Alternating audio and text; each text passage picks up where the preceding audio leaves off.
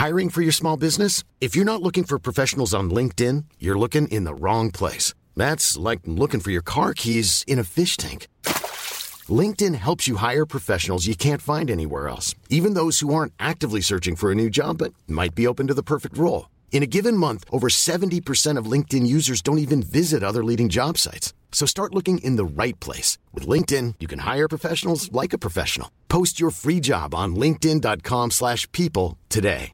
Cool fact a crocodile can't stick out its tongue. Also, you can get health insurance for a month or just under a year in some states. United Healthcare short term insurance plans, underwritten by Golden Rule Insurance Company, offer flexible, budget friendly coverage for you. Learn more at uh1.com.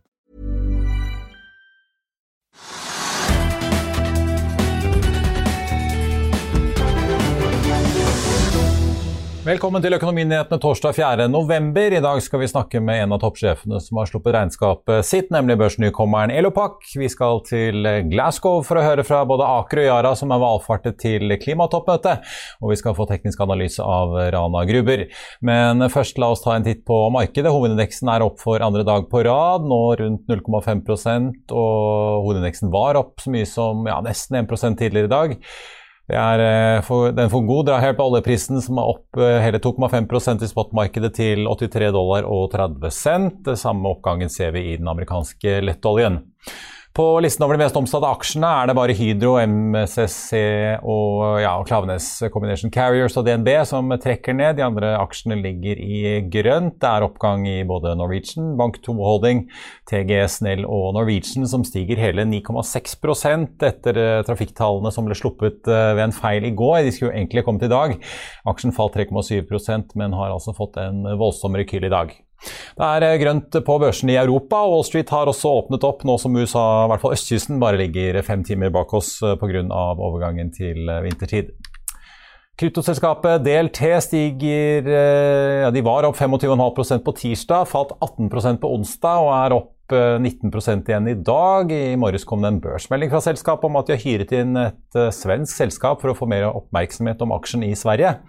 Toppsjef i DLT, Thomas Christensen, benekter at det er noen hausing av aksjen på gang, men vil likevel ha en dobling av prisen på aksjen. Jeg har kjøpt og kjøpt, sier han til FA. Og Apropos kraftig oppgang, hvis du bare trodde det var oljeselskapene som tjente penger som gress om dagen, så hør her. Statkraft er nemlig ute med sine kvartalstall, og det ble tidenes høyeste justerte driftsresultat i tredje kvartal på 4,6 milliarder. Det er opp 3,5 fra i fjor på samme tid, takket være både høye nordiske gass, eh, kraftpriser og en høy vannkraftproduksjon. Driften genererte hele 9 milliarder kroner i kontanter etter at løpende kostnader var dekket. Og eh, selv om driftsresultatet var litt negativt påvirket av tap i markedsoperasjoner som følge av rekordhøy volatilitet, så endte resultatet etter skatt på 5 milliarder kroner. Det er opp 3,7 milliarder fra samme tid i fjor. Ellers så skriver Statkraft at konsekvensene er høyst usikre av Høyesteretts dom om at både Fosen og Roan vindkraftkonsesjonene er gyldige. Selskapet skriver at nye søknader er på vei. Kahoot økte som ventet inntektene dramatisk i tredje kvartal, men økte samtidig også underskuddet sitt. Aksjen stiger 4,5% på kvartalstallene. ABG Sundal Collier-analytiker Øystein Elton Lodgaard tror grunnen til torsdagens reaksjon er at noen utenlandske investorer fryktet at Kahoot skulle ta ned guidingen, har tatt short-posisjoner, og at, dermed, at, aksjen dermed er sendt inn i en aldri så liten short squeeze. Nå skal vi til Elopak, for emballasjeleverandøren har en historie på over 60 år, men er ganske fersk på børsen med en børsnotering nå i juni. I selskapets ferske regnskap kommer det frem at inntektene vokser, men at marginene nå er under press med stigende råvarepriser og logistikkproblemer i verden. Vi tok en prat med konsernsjef Thomas Kørmendi, som både sier at prisene på produktene hans skal opp, og at aksjonærene kan se frem til et utbytte om aldri så, litt, om aldri så lenge. Aksjen er opp solide 5,2 i dag. Thomas Cormendi, konsernsjef i Elopak, eh, takk for at du er med oss. Eh, jeg tenkte Vi må begynne litt med tallene dine. Omsetningen øker med, med 13 til eh, nesten 237 millioner euro. Hvor er det denne veksten kommer fra? Altså, Vi ser jo veksten i, i både Europa og i det område, vi kaller Americas, som grundlæggende er, er Canada, USA og øh, Centralamerika. Uh, og vi ser, vi ser omvækst, eller væksten egentlig på fyldningsmaskiner, som er en meget vigtig del i vores verden, og som er, er en lead indicator for, hvor mange forpakninger vi kan sælge, emballage vi kan sælge senere hen. Og så ser vi også en meget stærk, en god vækst, stærk vækst på det, vi kalder aseptisk, altså langtidsholdbare emballage. Og der har vi både vores eget system, som er det, vi en PurePack aseptisk, altså en langtidsholdbar mælkekarton, og så har vi et, et system, der hedder Rollfat, som er lidt mere som en traditionel øhm, juicekarton, man kender måske fra, fra butikkerne. Men vi har altså en vækst på god udvikling på fyldningsmaskiner og også på den aseptiske side.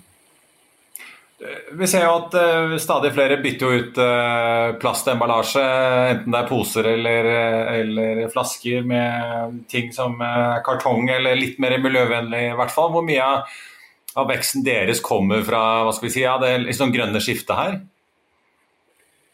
Ja, det, det, det, er litt du ved, svært å sette eksakt tall på det, fordi det vi jo ser i Europa ikke minst, er at kunder til os, og nye kunder, som vi ikke har haft endnu, går ind og bytter deres plastmaskiner ud med, med, med kartonmaskiner.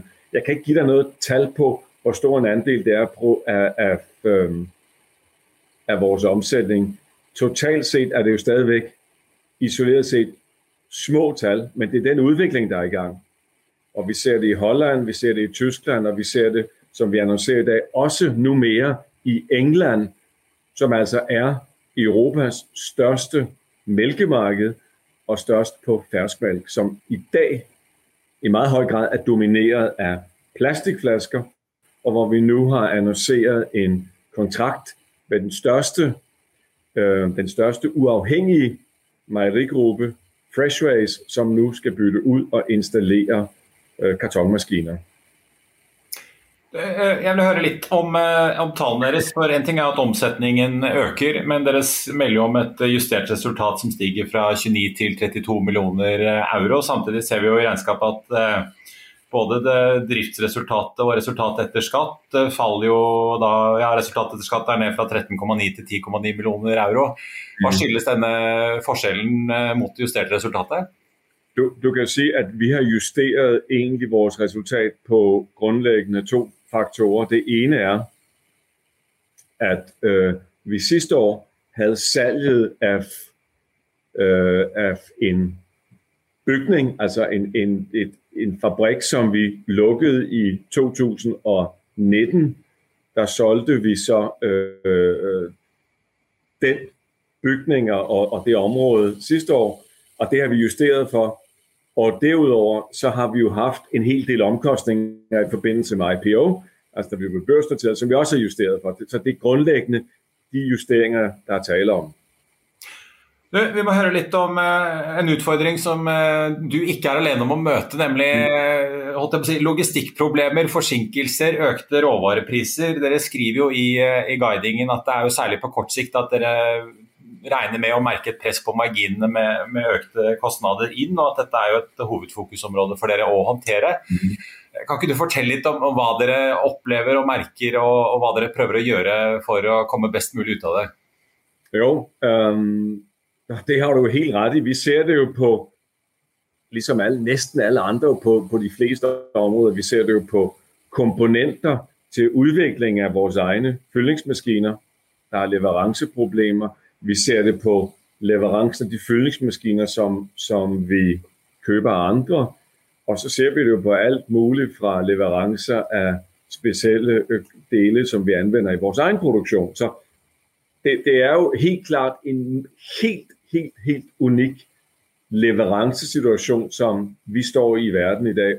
Både leverancemæssigt og også omkostningsmessig. Det vi gjør, faktisk er øh, øh, et par ting, så godt vi nu kan.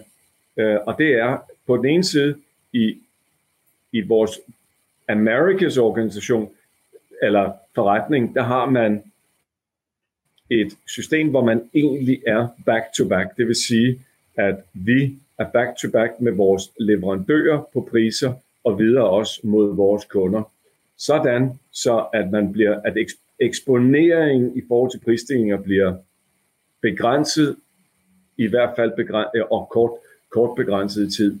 I Europa har man ikke den, op, har man ikke den øh, back-to-back øh, del på, øh, på omkostninger og priser. Så det vi gør selvfølgelig, som alle andre er nødt til at gøre, vi, vi, vi må i samråd med vores kunder øge priserne øh, og, og forsøge at få en så rimelig og god øh, kompensering for den massive faktisk omkostningsstigning, som vi ser.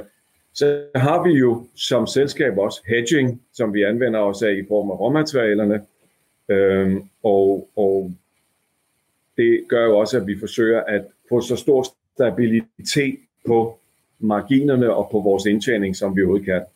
Men, det, men du ved, det er jo helt unikt, hvad vi ser nu. Det er det altså.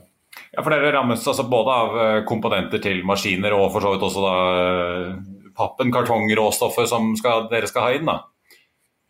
Ja, det gør vi. Og, og du ved, det er komponenter til maskiner. Det er selvfølgelig komponenterne til vores fabrikker i form af den, den, den, den udvikling og vedligeholdelse, vi skal gøre. Og så er det jo selvfølgelig råmaterialerne til, til, uh, til vores emballage. Så det er både pris og det er leverance. Vi har jo sagt Men, ja, det, så, far, så far så godt. Vi, vi har jo heldigvis øh, klaret os igennem, og vi øh, arbejder jo aktivt. Vi har, vi har en meget dygtig supply chain organisation, som arbejder meget tæt med vores leverandører også, sådan så vi ser til at kunne levere vores kunder altid. Ja, altså Tror dere det fremover også? Vi ser jo i bilindustrien hvor, uh, hvor mange modeller rett og slett er forsinket fordi de ikke får inn halvledere, ja. altså semiconductors bl.a. Uh, er det sånn at dere må melde til kunder av dere at dere klarer ikke å levere disse pakkemaskinene? Vi, vi, vi, vi, er ude for, altså, vi er ude for at vi må melde forsinkelse. Men, vi ikke, men inntil nå er forsinkelserne øh, hvad sige, begrænset. Det er ikke, de er ikke meget, meget lange, men, men vi kommer ikke udenom, at, at leverancetiderne er blevet længere. Det er de. Og det gælder både det, vi selv producerer, altså maskiner, vi selv producerer, og de maskiner, som vi køber, både fra Japan og fra andre øh, lande.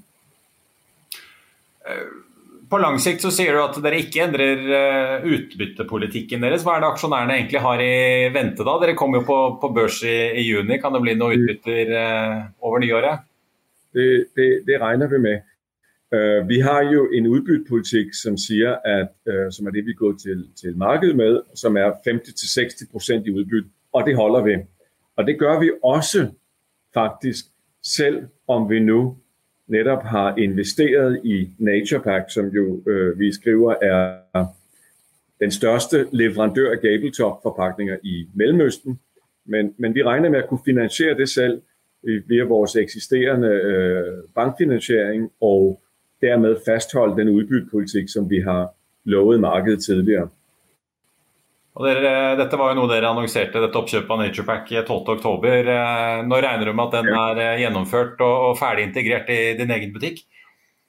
Det, det vi venter på, er egentlig øh, Det skal igjennom noen godkjennelsesprosedyrer i respektiv Marokko og Saudi-Arabien i form av øh, konkurranse myndighetenes Det, det, det ser vi ikke noe problem i, må jeg si. Så jeg regner jo med at det blir godkjent det kan altid være litt svært å si eksakt hvornår, men vi tror i løpet av første halve år, så er det godkendt. Og så, vi, så har vi så selvfølgelig en plan for, hvordan vi integrerer det, hvordan vi udvider forretningen ved at anvende vores øh, ret omfattende portefølje på ferske produkter, men også ved at drive de aseptiske produkter, som faktisk vi, kun vi har, når det angår den aseptiske hvad vi kalder mælkeforpakning, altså PurePack karton, som er et unikt Elopak-produkt. Vi må ta noen av de andre kvartalstallene som har kommet i dag. Også butikkjeden Kid fortsetter fremgangen og leverte det sjette kvartalet med inntektsvekst. Like for like-veksten i eksisterende butikker er på 0,1 Selskapet melder også om at det kommer et halvårsutbytte på 4,6 kroner nå i november. Den aksjen er opp 3,7 Europris, en annen butikkjede, er ned 1,7% etter at selskapet meldte om økte inntekter på 5% til nesten 2 milliarder kroner i kvartalet og en vekst i bruttodriftsresultat på 5,6% At marginen er på vei opp, eh, peker selskapet på at skyldes bl.a. faste fraktavtaler, og at eh, de nå er eh, skjermet for mange av disse logistikkproblemene rundt om i verden, i og med at de har fulle lagre nå før fjerde kvartal. Hexagon Composites økte omsetningen sin i tredje kvartal, og det bidro positivt til at aksjen nå er opp 4,5% en annen aksje som ikke det går så bra med, er Prosafe. Boligriksselskapet har 26 rigger i drift nå. Aksjen er ned 2,5 altså. Og selv om selskapet leverer en eh, firegangeren på inntekten til 46 millioner dollar, en kraftig bedring fra i fjor, så ligger det fortsatt en restrukturering eh, i vente for aksjonærene og potensielt da en eh, massiv utvanning ned til kanskje 1% Nettogjelden på selskapet er 1,5 milliarder dollar. B2 Holding styrket bunnlinjen sin i tredje kvartal og annonserer et tilbakekjøpsprogram av egne aksjer og et utbytte for 2020. Den aksjen er opp 6,6 nå skal vi over til den andre siden av Nordsjøen, for i Glasgow pågår klimatoppmøte. og Det er ikke bare politikere, men også en rekke norske næringslivstopper som har tatt turen over. Vi har snakket med to av dem om hvorfor de bruker tid på denne konferansen, hva de håper å få ut av den, og ikke minst eh, hvordan det som skjer i Glasgow påvirker både dem og norsk næringsliv. Da har vi med oss Jeanette Bergan, bærekraftsdirektør i Aker Horizons fra Glasgow. Eh, Jeanette, kan ikke du først hvor du står hen? Hva slags paviljong er dette? Ja, dette er eh, den paviljongen eh, som er et samarbeid mellom eh, Bellona, UD og Sahara Forest Project og Aker Horizons. Så det er vel, tror jeg, den paviljongen som har norske representanter her nede. En uh, skikkelig dugnadsgreie der. Altså, du, det er bra. Du, eh, vi, nå har dere sendt ut denne meldingen i dag om dette hydrogen- og, og havvindprosjektet i Skottland, som to av selskapene deres, Aker Offshore Wind og Aker Clean Hydrogen, uh, er involvert i. Uh, du kommer jo da fra, fra, Aker Horizon, som på en måte er eierselskapet, porteføljeselskapet i den grønne satsingen i Aker. Kan du si hvorfor Bruker dere så mye ressurser på å være til stede og eh, delta på dette møtet i Glasgow? Nei, altså, For det første så, så, er vi her for å få lytte og lære, men ikke minst også vise frem eh, de løsningene vi eh, har investert i og ønsker å bringe til markedet og ikke minst skalere opp. Og det, Om det kunne vært laget en ordsky her, her, herfra Eh, for eh, på en måte de ordene og de løsningene som er brukt eh, flest ganger og beskrevet flest ganger både av statsledere, selskaper og investorer, så ville det utvalget vi har kommet høyt på listen. For det er det alle snakker om som må til for å nå net zero og netto null i 2050. Det er oppskalering av så klart fornybar energi, men også hydrogen, grønn ammoniakk og karbonfangst og -lagring og ikke minst eh, nyere teknologier på, på, carbon eh, removal. Altså vi må fjerne CO2 fra atmosfæren og få det ned igjen i bakken. Så det, det er veldig veldig spennende å få være her og, og se at eh, det tilbudet vi har faktisk er, er veldig ettertraktet. Hvor mye prøver dere eller klarer dere å få påvirket alle disse politikerne som løper rundt i skytteltrafikk på denne konferansen? da? Nei, vi prøver jo eh, å snakke med eh, alle som måtte komme forbi. Og så er det klart vi har mange arrangementer her på paviljongen eh, sammen med Bellona og andre aktører. og eh, Vise frem løsningene, eh, få snakket med selskaper, andre investorer. Så det, det er jo en, en, en, blitt en viktig møteplass, og veldig, veldig mange er her. Så eh, vi får håpe at det gir positive resultater også etterpå. Hvordan tolker du den spagaten som eh, verdens politikere nå egentlig står i, hvor man på denne siden har eh, en ganske omfattende energikrise med skyhøye priser og, og eh, på en måte en voldsom appetitt i verden på energi og råvarer på vei ut av pandemien på den ene siden, og på den andre siden ønsket om å kutte utslipp og omstille seg, som jo også krever store investeringer. Er det Eh, dempes den der investeringsviljen i det grønne litt eh, når gassprisene og kullprisene er skyhøye? Nei, absolutt ikke. Det, det, jeg tror det er viktig at man må tenke at eh, her må man ha to tanker i hodet på en gang. Eh, så klart er energitilgang ekstremt viktig. Eh, og det er jo energitilgang mye av dette handler om også, fornybart. Så den omstillingen må jo skje gradvis. Man kan ikke gjøre det over natta. Så det å bygge det tilbudet av fornybar kontinuerlig og, og jobbe for å få ikke minst også karbonfangst og -lagring og redusere utslippene fra industrien. Det er ekstremt viktig for å sikre også energiforsyningen eh, i et langsiktig perspektiv.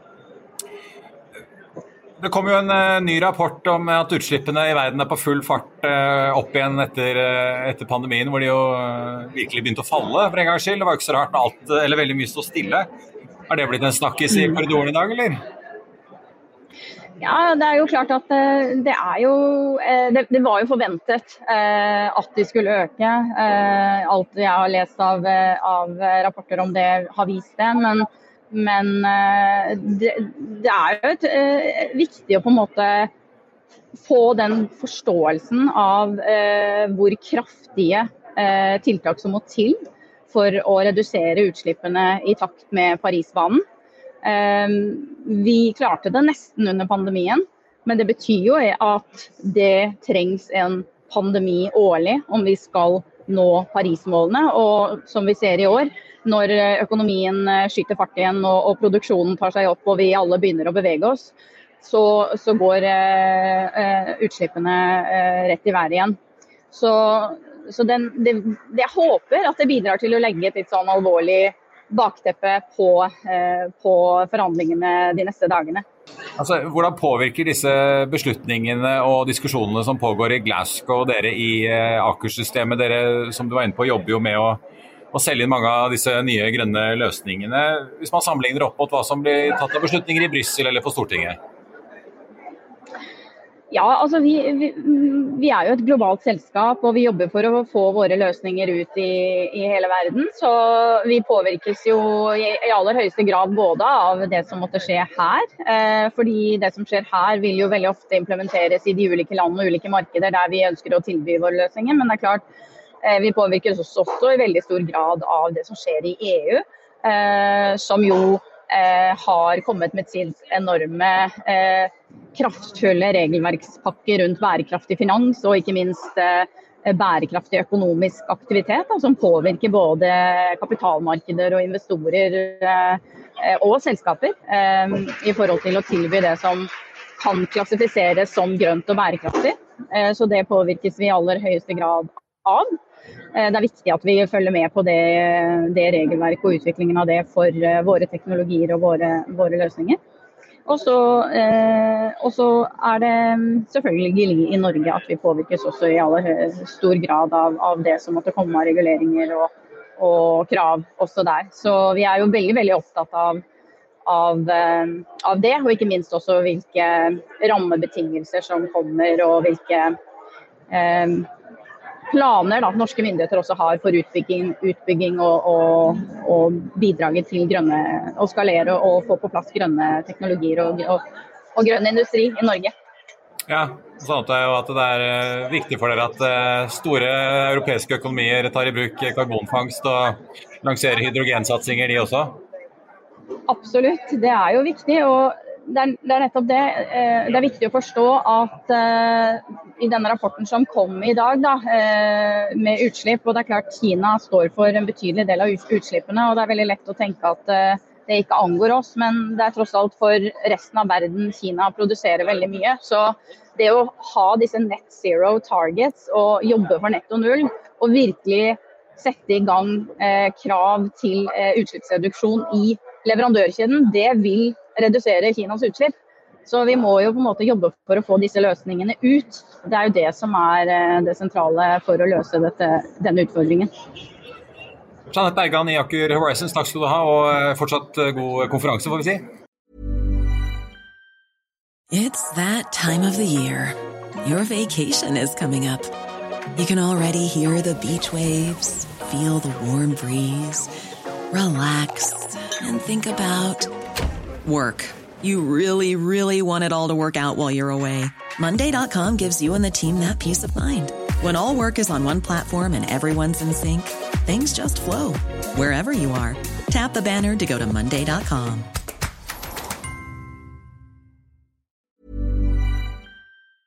I'll see you in court. Vi sier det ofte litt på spøk, men for deg som driver business, er det aldri moro å innse at du ikke har laget en 100 gyldig kontrakt. Du bør ikke risikere hele firmaet ditt fordi du synes dette med kontrakter er litt stress. En avtale er ikke en avtale. Du kan miste kunder, miste venner, ja, til og med miste inntekter om du ikke lager en skikkelig kontrakt, på alt mulig, egentlig. Men vi vet det er et styr. Kopimaskiner, tregprinter og haugevis av papir. Dessuten stoler vi jo på folk her i landet. Det er ofte litt kleint å skulle be om en signatur for alt mulig, ja, for mye av styret handler også om jakten på underskriften. Det finnes en enkel måte å løse dette på, Dukkobit, en trygg, effektiv og get this, gratis måte å sikre seg en god natts søvn pluss en juridisk bindende avtale. Dukkobit-appen har de strengeste sikkerhetskrav i bunn, samt en EU-godkjent og sertifisert teknologi. Framover vil det bli behagelig å spørre du, skal vi skrive under på det, eller? Kom i gang på dokobit.no. Fra Aker skal vi til Yara, og er konsernsjef Svein Tore Holsæter. Takk for at du er eh, med oss. Eh, du, du, som eneste norske selskap er du med i noe som heter First Movers Coalition. Kan ikke du fortelle først, eh, hva er det for noe? Um, First Movers Coalition er et uh, samarbeid mellom uh, US State Department og World Economic Forum, hvor um, hensikten er å adressere de verdikjedene som er vanskeligst å avkarbonisere. og Gjennom da, et samarbeid på tvers av hele verdikjeder skape et marked for produkter som har et lavere utslipp av Utfordringen når man er eh, først ute, er at det er høye kostnader til å, til å begynne med. Begrensede markeder. og det man forsøker å få til med det samarbeidet her, er da å, å få stort nok volum, som igjen da skaper eh, mulighet for videre innovasjon og kostnadsreduksjoner. Så må jeg legge til at eh, Aker er også medlem i eh, First Movers Coalition. Ja, altså, En av to, da, i hvert fall. Ja, men det er bra. Du, ja, for deres, hva slags forpliktelser er det dere stiller med i eh, dette samarbeidet? her? Jeg skjønner jo at alle som er med, må, må bidra med noe inn? Ja, eh, altså, Nå har de valgt eh, fire verdikjeder som de skal se på i første runde. og eh, En av de verdikjedene er eh, shipping. altså Hvordan man skal redusere utslippene for eh, verdens shippingindustri. og Vårt bidrag inn i det er å, bidra med et, å utvikle et fossilfritt drivstoff. og Det er jo da kjempespennende i forhold til det prosjektet vi har sammen med Statkraft og Aker i ved Yaras anlegg i Porsgrunn påproduserer på å produsere grønt hydrogen, som vi da gjør om til grønn ammoniakk. Og For langdistanse shipping så er jo det et, eh, et, veldig godt alternativ, eh, og det fossilfrie alternativet. Og, og det er inni det, og, og, og verdens shippingindustri står for 3% av de samlede utslippene, så her kan man virkelig være med å bidra til noe som kan bli stort. Ja, for Du har jo tidligere snakket om at uh, noe av problemet er at denne grønne ammoniakken er jo dyrere enn den grå, som kommer rett fra naturgass. Er det sånn at dere forplikter dere til å kjøpe inn en viss mengde grønn ammoniakk til de, uh, de, skipene dere bruker, eller?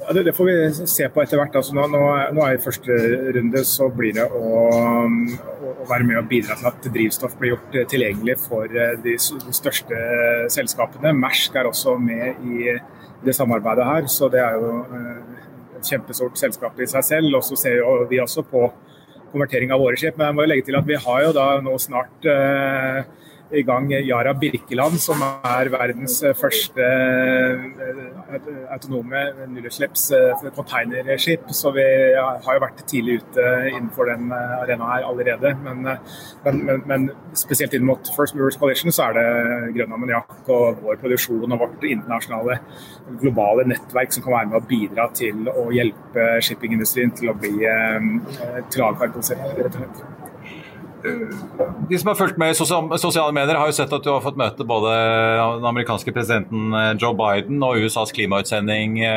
John Kerry. Hvorfor er det så viktig for deg og Yara å være til stede her og bruke ressurser på å delta?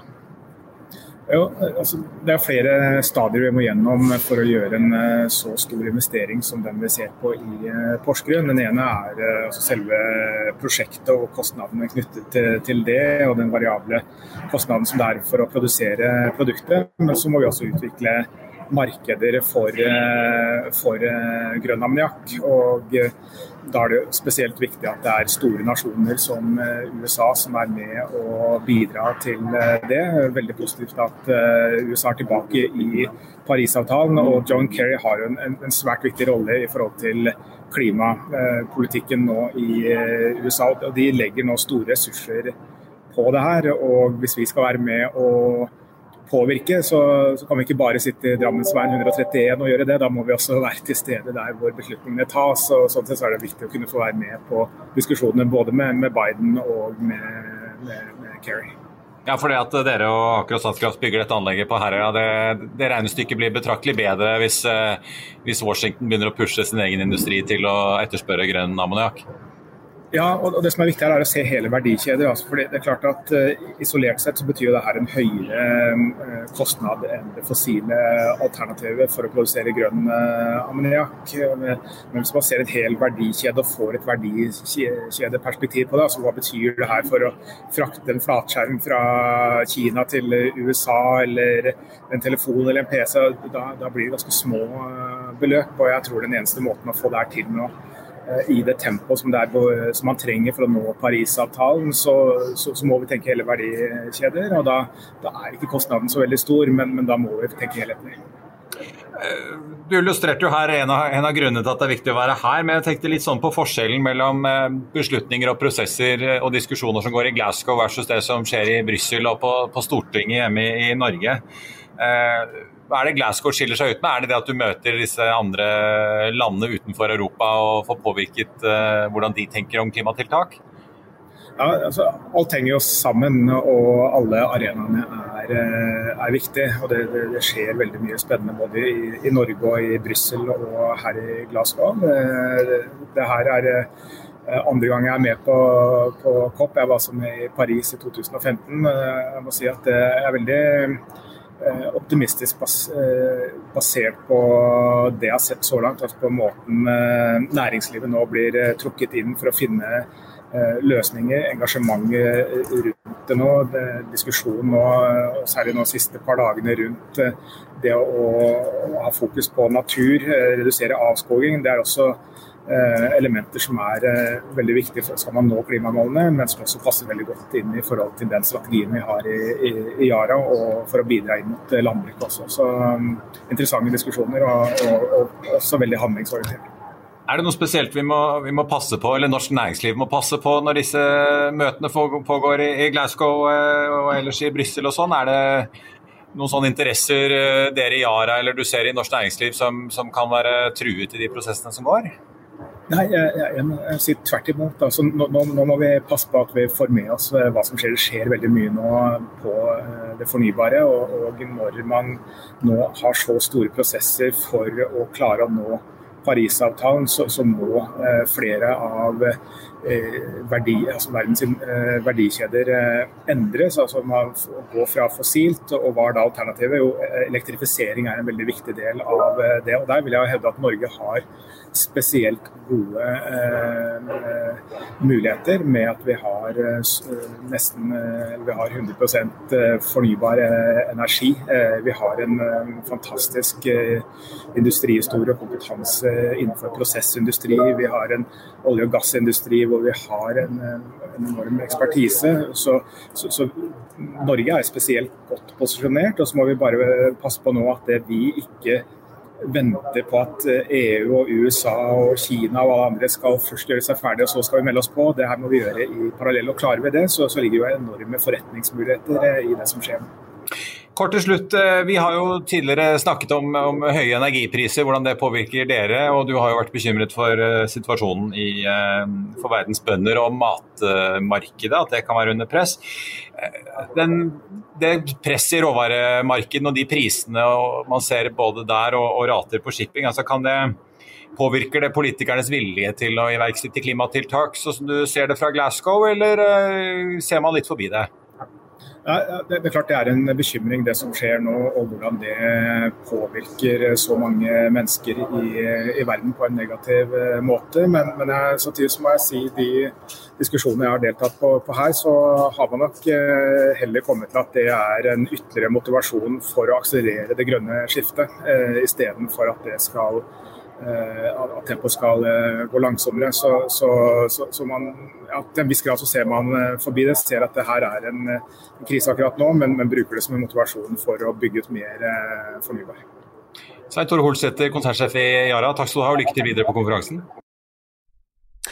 Vi tar med at Aker lanserte planene om Northern Horizons i dag i forbindelse med Glasgow-konferansen. Det er en plan om å bygge ut flytende havvind i Skottland med et anlegg på Shetland som skal produsere hydrogen, ammoniakk og syntetisk drivstoff, bl.a. for eksport fra 2030. Det er ikke bare Aker, men også selskaper som Equinor og andre norske som kjemper om å få kontrakter i Skottland, bl.a. på dette Scotwind-prosjektet utenfor kysten av Storbritannia.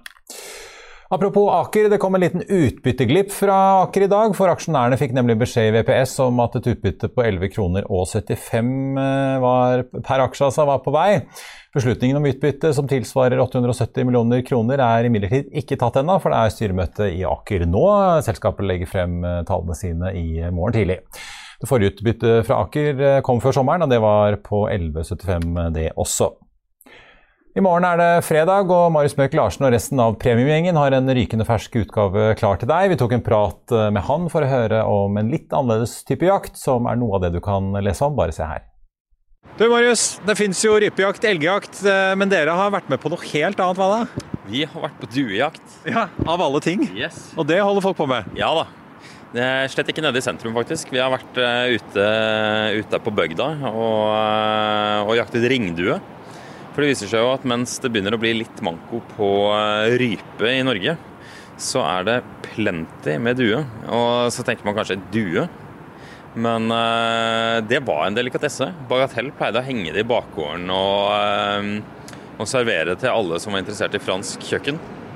Eh, men så forsvant Bagatell, og så forsvant eh, duene, og nå er det en million av de ute i, eh, i skogene bak oss her. Det er rikelig å ta, men den vanlige jakten begynner jo snart å være litt på hell. Hvor lenge kan man holde på med denne duejakten? Frem til lille julaften.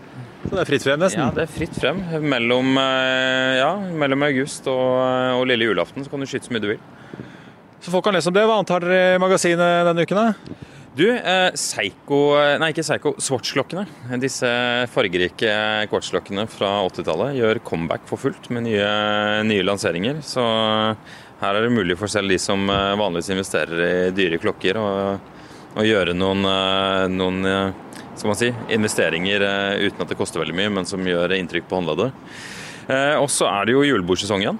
Eh, etter et uh, halvannet år med pandemi og lite fest, så jo, kommer det jo til å ta helt av. Ja, er næringen stressa for at folk kommer der som en gjeng med sånn kyr på, som slippes ut på beite? Du kan jo prøve å bestille et bord. For du får ikke bord før til neste år nå hvis du er i Oslo-regionen, tror jeg. Det er svært lite muligheter. Men så vi har tatt en kikk på hva du bør ha på deg, hvordan du skal oppføre deg og hva du generelt kan forvente deg. Og det kan du også lese om i fredagens magasin. Takk skal du ha. God helg. God helg.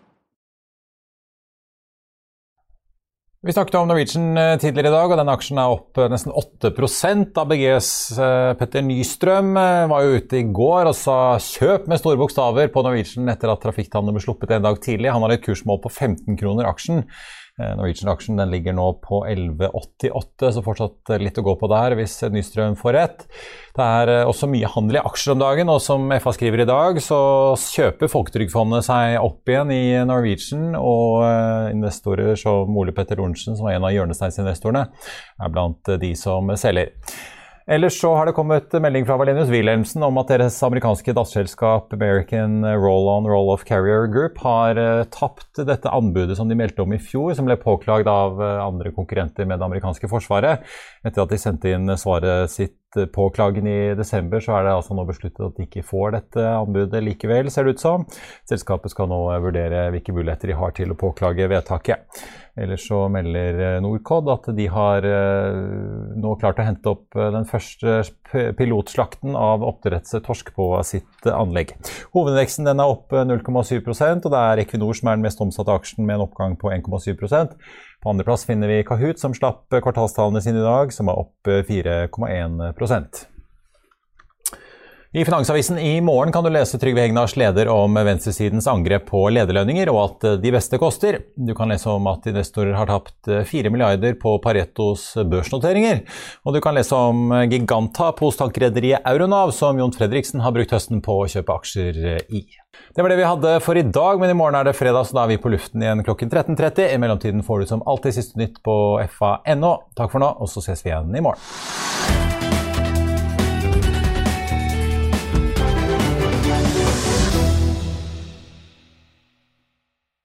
Økonominyhetene er en podkast fra Finansavisen. Programledere er Marius Lorentzen, Stein Ove Haugen og Benedikte Storm Bamvik. Produsenter er Lars Brenden Skram og Bashar Johar.